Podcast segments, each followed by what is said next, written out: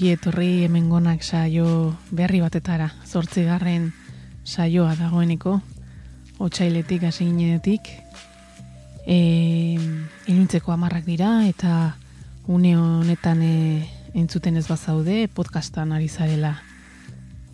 Edarituko zarela esan nahi du, eta naiz irratiko webgunean e, aurkitu gaituzu, edo arrosa sarean, baita ere. Bueno, gaurkoan lau emakume ekarri ditut. Koni Dukez, Argentino Euskalduna, Laura Marlin, Britaniarra, eta Iparraldetik, Saioa taldea. Osatzen duten Mari Edeririart eta Kamila Zubeldia, bikotea. Entzun dugun abesti puska kapsula taldearena da. Koni Dukez, e, basulari eta abeslaria orkesteko aukeratu dut gero argituko izuet zein abesti den eta nondik hartu dudan. Testuru, testu inguruan jarriko zaituzet gero.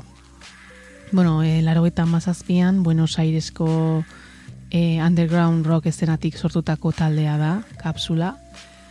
Martin e, Guevara edo Martin Kapsula bezala ezaguna duguna gitarra eta hotxean, eta Konstantza Lizika Godoi, koni dukez dukez osatzen dute hainbat e, bateri jolerekin batera osatu dute taldea joan etorriak. E, bateri joleen joan etorriekin bizi dira e, bi hauek. E, Koni Dukez e, ez izena Bo Diddley taldeko Norma Jean Wofford gitar jolearen omenez jarri zuen. Eta bueno, taldea Europa, Ego Amerika, Mexiko eta Ameriketako estatu batuetako estenatoki nagusietan e, izan dira eta e, gure zorterako, zorionerako, balaro eta mazortzetik e, Bilbon, Euskal Herrian e, bizi dira. Aspaldian Euskal Taldetzat dugun honek, hogeita bi urte daramatza hemen, Bilbon, eta generoan hitz jorratzen dute. Esaterako garaitz rock, punk, rock alternatiboa, hasieretako rock psikodelikoa eta space rocka, glam rocka eta indie rocka amabi disko atera dituzte, hotxak bekore eta beste hainbat e, e, diskografikekin da Santa Rosa diskoan Euskaraz ere entzun ditu eta guzti. Delirium tremensen ikusi eta ikasiren bertsio ikaragarrian. Bueno, guazen konirekin. Koni dukez e, e, e, zagutu nuen, bueno, koni eta Martin ezagutu nituen 2006an e, eoran taldean e, aritzen nintzenean, e, bizpairu urtez e, lokal apartekatu genuelako deustun. Lokal horretan e, elkartzen ginen garaiko talde bilbotar batzuk, loan, e, lenoiz, eten, de, the extended place, eta kapsula, adibidez. Gero doka antzokian ere beraiekin joen nuen, donostin, eta e, bueno, bitxikeri bezala kontatuko izu, eta 2000 bederatziko udaberrian martxoan New Yorkera e, bidaiatu nuela.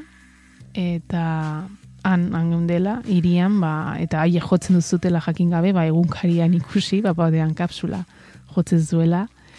Han e, New Yorken eta ba antzi plantatu ginen klubean kriston sorpresa eman genien eta kontzertu itzela izan zen eta testu, inguru, testu ingurua hartan gainera oso oso behezia. Inoiz ez dut ikusi olako pasioa rokarekiko, nola bizi zuten musika egiteko bizi ziren, etzen besterik abitzen haien bizitzan. E, urte haietan bizi izan nuenagatik edo ez dakit baino Songs and Circuits e, 2006ko lana nire gutxinetakoa da zuzenean ere gehien bizi izan nuena, haiek ikusintulako askotan, eta gainera ba, indirroka generoa disko horretan nagusitzen delako. Eta orain bai, esango izu, eta entzun duzuen abestia disko horretatik, A Boy Through Airwaves, zoragarria e, izan dela, koniren ahotsa entzuteko aukeratu dut. E, izan ere Euskal Basulari indartxu aparta izateaz gain, ba, sekulako abeslaria delako. Eta hasieratik Martin eh, ahots nagusia sarturatu bada ere, ba, disko guztietan sortzen eta abesten du konik, hainbat abestitan. Bueno, ba, izein dut berarekin eta aldetu diot, bere hasiera hasierari buruz, astepeni buruz, eta, bueno, ba, hortzaroko oroitzapene ederrenen artean kokatzen duela txikitan Buenos Aires ondoko herri txiki batean bizi zela guraso eta nebekin eta irira mugitu zirela eta orduan hasi zela musika eskoletara joaten.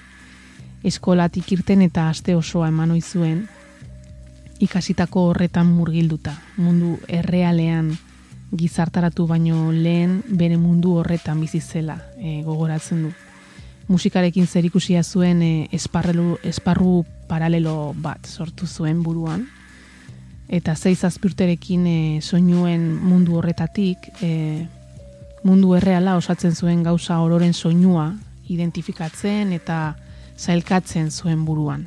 Da, bizi zuen guztia eta entzuten zuen guztia bere buruan e, aparteko mundu paralelo horretan e, identifikatzen zuen. E, etxetik aurkitzen zituen gauzekin ba, unibertso sonoro ezberdinak eraikitzen saiatzen zen, eta, bueno, ba, esan du nera itxia zala, barnerako ja, eta beren eba talde baten basua jotzen hasi zenean, ba, koni izkutuan sartzen zala bere haren logelan eta basua hartzen zuela, gogoratzen du, lotxatuta bezala hartzen zuela eta azten zala jolasten basuarekin. Gero beranduago unibertsitatean zinea ikasi zuen, eta pelikuletarako soinua irakasgaietan ba, topo zuen haurtzaroko irakasle batzuekin. Eta musikara itzuli zen orduan. Musika itzuli zen bere bizitzara. Ondoren artista plastikoen laguntzaile bezala aritu zen, lanean, Buenos Airesen, eta honek izugarri lagundu zuen bere formakuntza artistikoan. Garai horretan Martinez autu zuen, rock eta punk mundutik zetorrena, hainbat taldetan aritua zen eta eta proiektukide bihurtu ziren. Konik ikusentzutezko aportazioaz gain, eszenografia, argia, eta bar, musikalki soinu ambientala eta soinu paisaiak sortzen zituen sampler eta teklatuekin. Bikain moldatzen zirela ikusita kapsula abiatu zuten. 2000 bateko krak ekonomikoaren ondorioz, Argentinatik irten, eta Londresen amaitu zuten. Eta, bueno, ba, diru askorik ez zuten ez, e, zerbait, e, oraindik jotzen ezekien e, graber basua saltzen saiatu zen. Baina diru nahikorik e, ematen ez diotelako, ba, ez, erabaki zuen e, jotzen hasiko sala. Eta liburutegi baten sartu zen, eta basu indartzua zuen disko mordoarekin atera zen bertatik, liburutegitik, Joy Division, New Order, The Cure, eta gainetik jotzen hasi zen. Horrela ikasi zuen konik, basua jotzen. Handik aurrera gertatu dena ba eberikoa da. Urteekin e, berezko soinu potente eta pertsonala eratu duela, gaur egungo rock eszenan basularirik honetakoen artean kokatuz. Emakume musikaria izatearen inguruan galdetu nion eta berak dio ondo eraman duela, emakumearen rol artistikoetatik askatu egin garela, ez garela emozioei, markatu, emozioei bakarrik mugatzen, eta estereotipoak apurtzen bagoazela. Taldean jotzeak arlo pertsonalean gertazitezkeen arazoetatik ies egiteko balia izan zion, baina gogoan du bala ere orain hogei urte gizona kritikoak zirela emakume musikari eta taldeekin gaizki jotzen zutela edo teknikoki behar bezainonak e, etzirela e, aipatzen zutela gizonek. Eta bera kontziente zela horretaz. Bazekien e, bere jotzeko moduari buruz hitz egiten zala e, kontzertuetan eta bar. Ba zer e, puarekin baino igual atzekin edo ez dakite jotzeko modua kordikatzen zutela. Garaian e, egia da emakumeok ezen atoki gainean bikoitza dierazi behar genuela. Bera korrela esan du e, baiitze egiterakoan, ze jotzean, askatasunik gabe mugitu hoi ginen, geure burua dierazi edo lehilokeriaren bat esateko beldurrez, adibidez, eta berari ere gertatzen zitzaion, mozten zala asko esten atoki gainean hitz egiterakoan. Onartuta sentitu da ala ere, esten atoki gainean, lotxatia bada ere, ba, Martin frontman moduan e, ondoan izani ba asko ikasi duela berataz eta alderantziz Martinek ere koniren jarreraz e, ikasten duela jendearekin interaktuatzerakoan eta bueno, ba, esaten du elkar laguntzen duten kide kide onak direla. E, amatasunari buruz galdetu diot, ez e, hogei, hogei urte inguruko alaba daukate, orain hogei hogei tapiku izango ditu. Gogoan dute entxeguetara eraman oizutela, eta neskatoa ampli eta gitarren hotxak artean e, azizela, oroitzapen polita daukat, e, korridorean itxaroten zituen gurasoak entzaiatu bitartean, margotzen edo jolasten, eta bertan entzaiatzen genuenak, ba, arekin, esertzen ginen eta solasten ginen, arekin da gustura zaintzen genuen, ez, denon artean pixkat eta polita izan zen ura. Amatasunaren inguruan galdetuta, konik e, etzion amatasunari ametsa eta pasioa lapurtza dikutzi, eta etxean rol tradizionaletan hasi bazuten ere, ba txikitan e, emakumeen eskuti jasotako ezik eta artistikoak lagundu zion, figura femeninoa plano horretan kokatzen eta ama bezala ere bere burua ere izan du. Beraz, eh, amak musika estenan eh, normaltasunez ikusita gon behar dugula dio, eta ereduak ezinbestekoak direla horretan, bestelako amatasun ereduak. Basulari bezala, eragin handiena, eraginik handiena Sonic Youth taldeko Kim Gordon izan, izan du. Nera bezaroan bera jotzen ikustea, ba, e, mutilientzat Ramones edo ikusta bezalakoa izango zela e, esan du. Eta egia da. Niri ere gertatzen zitzaidan. E, identifikatua sentitu zen Kim Gordonekin, Kim Gordonekin. Orokorrean Sonic Youthen musikarekiko experimentazioak ere lagundu zion. Gabezi akademikoari beldurrak entzen. Ba, musika audiovisualekin audio lotzen zutelako haiek ere Sonic Youth eta berak bezala, ez? Erabiltzen zituela irudiak eta audiovisualak e, musika ambientala edo soinu musika sortzeko. Oraingo uneari begira, aldetu diot, zertan ari diren, nola hartu duten guzti hau, une momentu hau, eta kapsularen dinamika zuzenean biratzearen inguruan oinarritzen denez, ba, claro, ba, hasieran bapateko balastatze emozionala izan zela beraientzat, gogorra, zer egiteko gai ziren hartu eta entretenitzen jarraitzen saiatu dira, beste modu batean. Ez ezagunak zituzten bideak ikasi eta etxetik emanaldiak online egiten hasi ziren eta pozik daude, beste, beste modu bat da.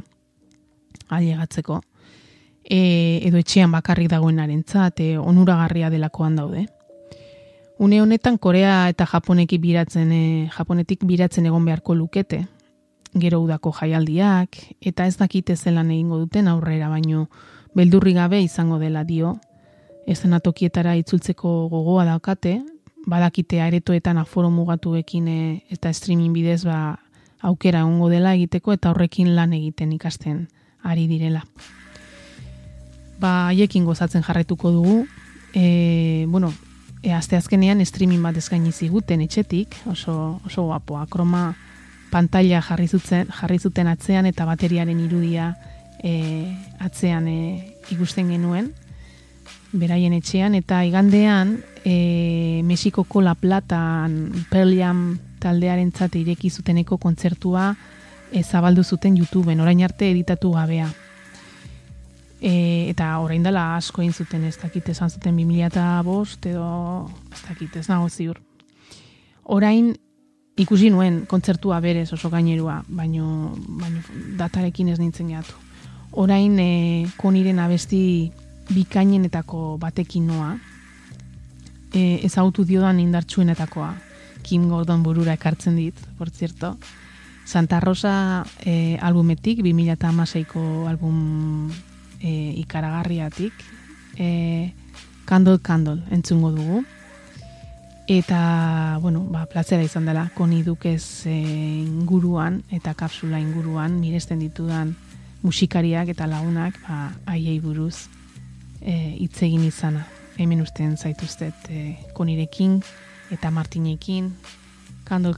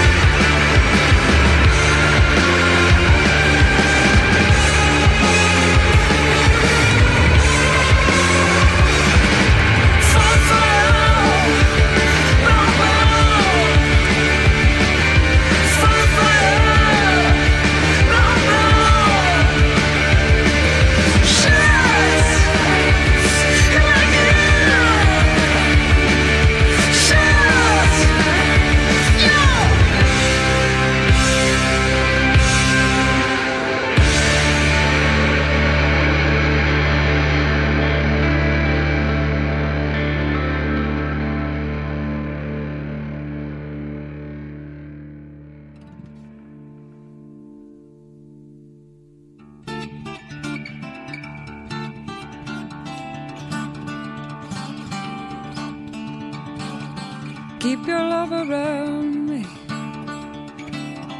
Keep your love around me so I can never know what's going on. What's going on? Keep your love around me. Keep your love around me so I can't be alone. An electric fence,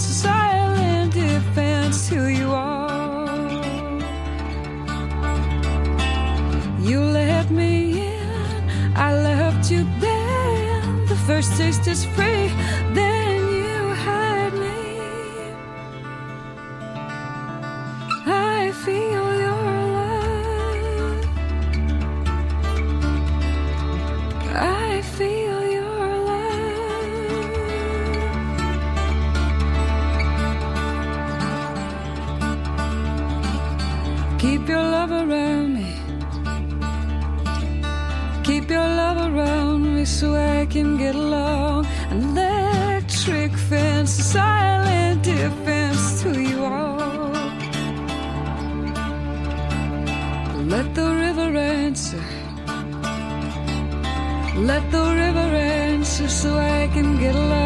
Going on? What's going on?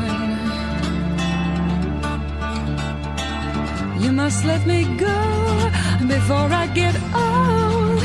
I need to find someone who really wants to be mine.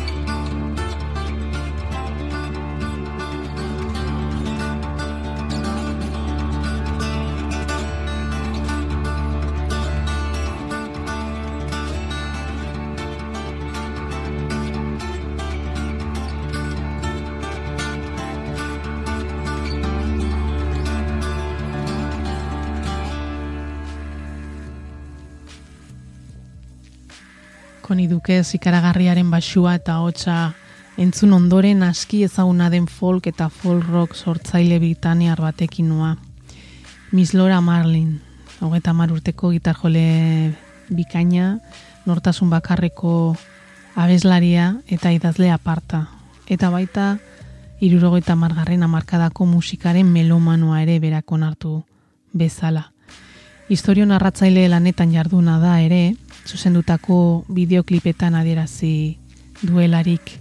Semper Femina diskoan, feminitatearen erretatu zoragarriak egin zituen, lan audiovisualen bitartez. Bestetik, e, psikonalizian masterra amaitu berri du, eta bere hitzetan e, galdetu diotenean eraginik e, ote duen psikonalizia horrek e, bere idazteko moduan e, psikonalizia ikasi izanak, ba oso erantzun egokia eman du. Edozein motatako sormen lana, kreatibitatea, e, ze historio kontatzen dizun eta arrazoia psikonalizian osun hartzearekin zuzenki erlazionatuta dagoela, bai estatzen du.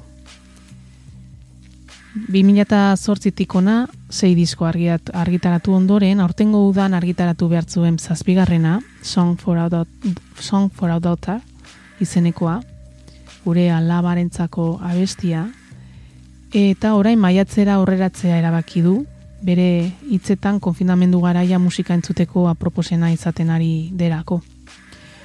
Por cierto, konfinamenduan e, gitarra tutorialak eskaintzen ari da Facebooken etxetik.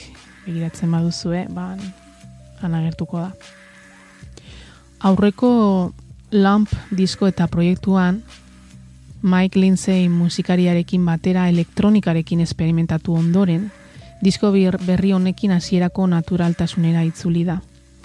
Gitarra akustikoak, pianoa eta Bob Mus musikariaren zenbait konponketari laguntzen diolarik, e, hautsari garrantzi handia handio, oraingoan, koro landuak erabiliz. Bera izateko beharrari erantzuten dioten soinuak erabili ditu. Irudikatutako alaba bati idatzitako abestietan. Egia esan, bere bertsio gazteago bati egin diola onartzen du, bizitzako esperientzei buruzko hausnarketa bezala. Bizitza maneiatu den moduaren inguruan, segurtasun handiagoekin jokatu nahi izanaren aitortza bezala. Ba ez du ematen segurtasun faltarik izan duenik, izan ere bere ahots sakonak jarrera serioa eta diskurtso tinkoa adierazi izan du bere karrera luzean. Dioenez, gaztetan horren isila zen, jarrera heldu bat erabiltzen hasi zuela, babes moduan. Eta orain aldi zeharo heldu gabea sentitzen dela lotxa hori galdutakoan. Babetxo. Laura Marlin eragin handia izan zen niretzat, e, musika egitera itzultzeko indarraren bilanen bilen garaian. 2006ko uda osoa pasanuen, arratsaldeko ondartza paseotan e, seme txikiaren gurdiari bultzaka, eta kaskoetan short movie bere bosgarren lana entzuten. Warrior, Walk Alone eta Gurgies dotza bezalakoek helarazitako autoezagutza eta esparru pertsonalaren berreskuratzeko urgentzia e, hori, pasatzen, helarazten zidaten. Laurak e, diskorretan bikotearen dependentziatik askatzeko e, behar horretatik sortu zuen, eta nik garai hartan, ba hori, zaintza esklusiboak e, gartzelaratzen induen sentipenatik askatzeko beharra nuen, eta ba, bere behar, bi behar hauek lotu nituen. Eta horrela, ailegatu zitzaidan diskoa. Berriz e, jotzeko jotzeko ametsari eusten nion lauraren gitarrak e, gonbidatzen zian bitartean. E, entzun dugun abestia, I Feel Your Love, soinu akustiko landu baten adibide bikaina ikus, e, ikusi dugunez, entzun dugunez, eta disko honetan bereziki, bueno, aurrekoetan, hasierako diskoetan ere, bere trebetasuna gitar jole moduan, akustikoan, nola kontrolatzen duen gitarra zer nolako e, e, kompozizioak egiten dituen gitarrarekin harrigarria da. Ze, ze, ze arpegio eta ze, ze lotura eta ze melodia eraikitzen dituen gitarrarekin. E, short movie hori mm, maizulantzat hartuta izan bada ere, kritikak dio Semper Femina 2008ko lanak gainditu egin zuela aurreko short movie hori diskoa. Aurrekoaren e, folk rock ikututik erabat urrunduz, disko intimo, sentsuala eta sotila egin zuen, honetan, Semper Femina. E, ekoizpen bikaina daka diskoak, bederatzi abesti erakusten ditu.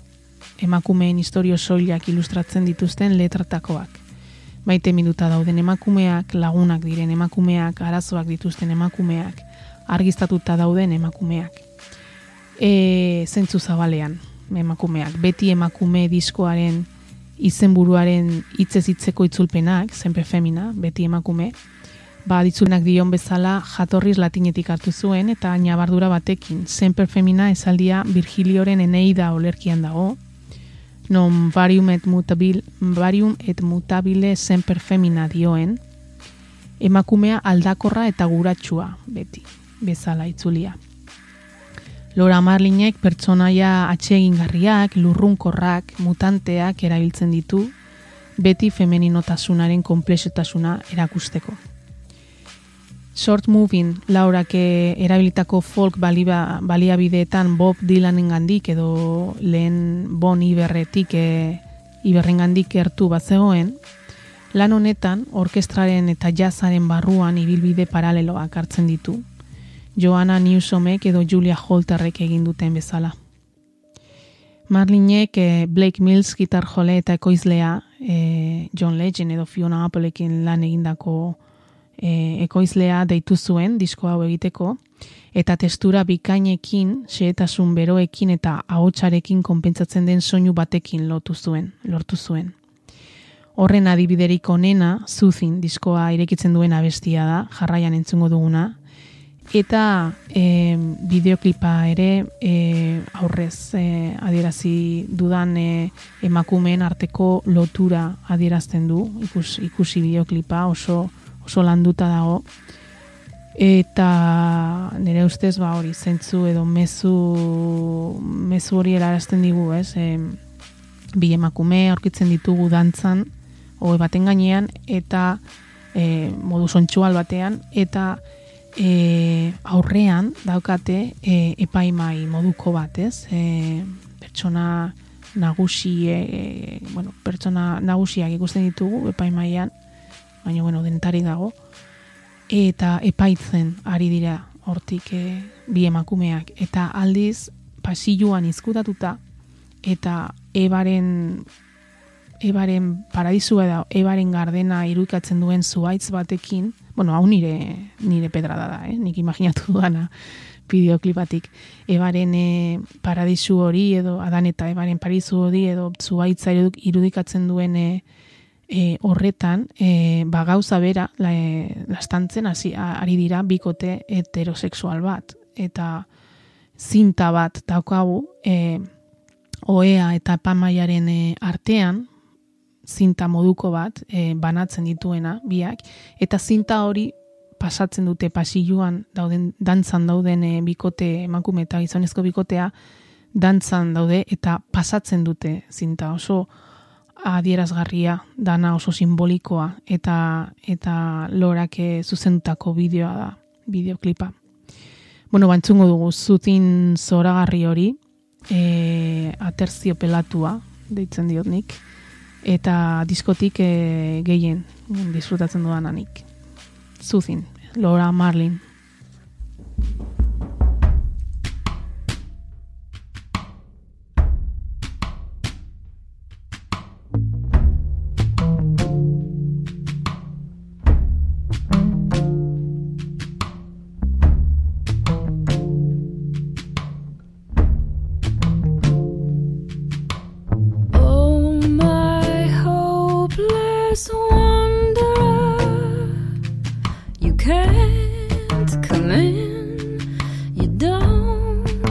Hey. hate.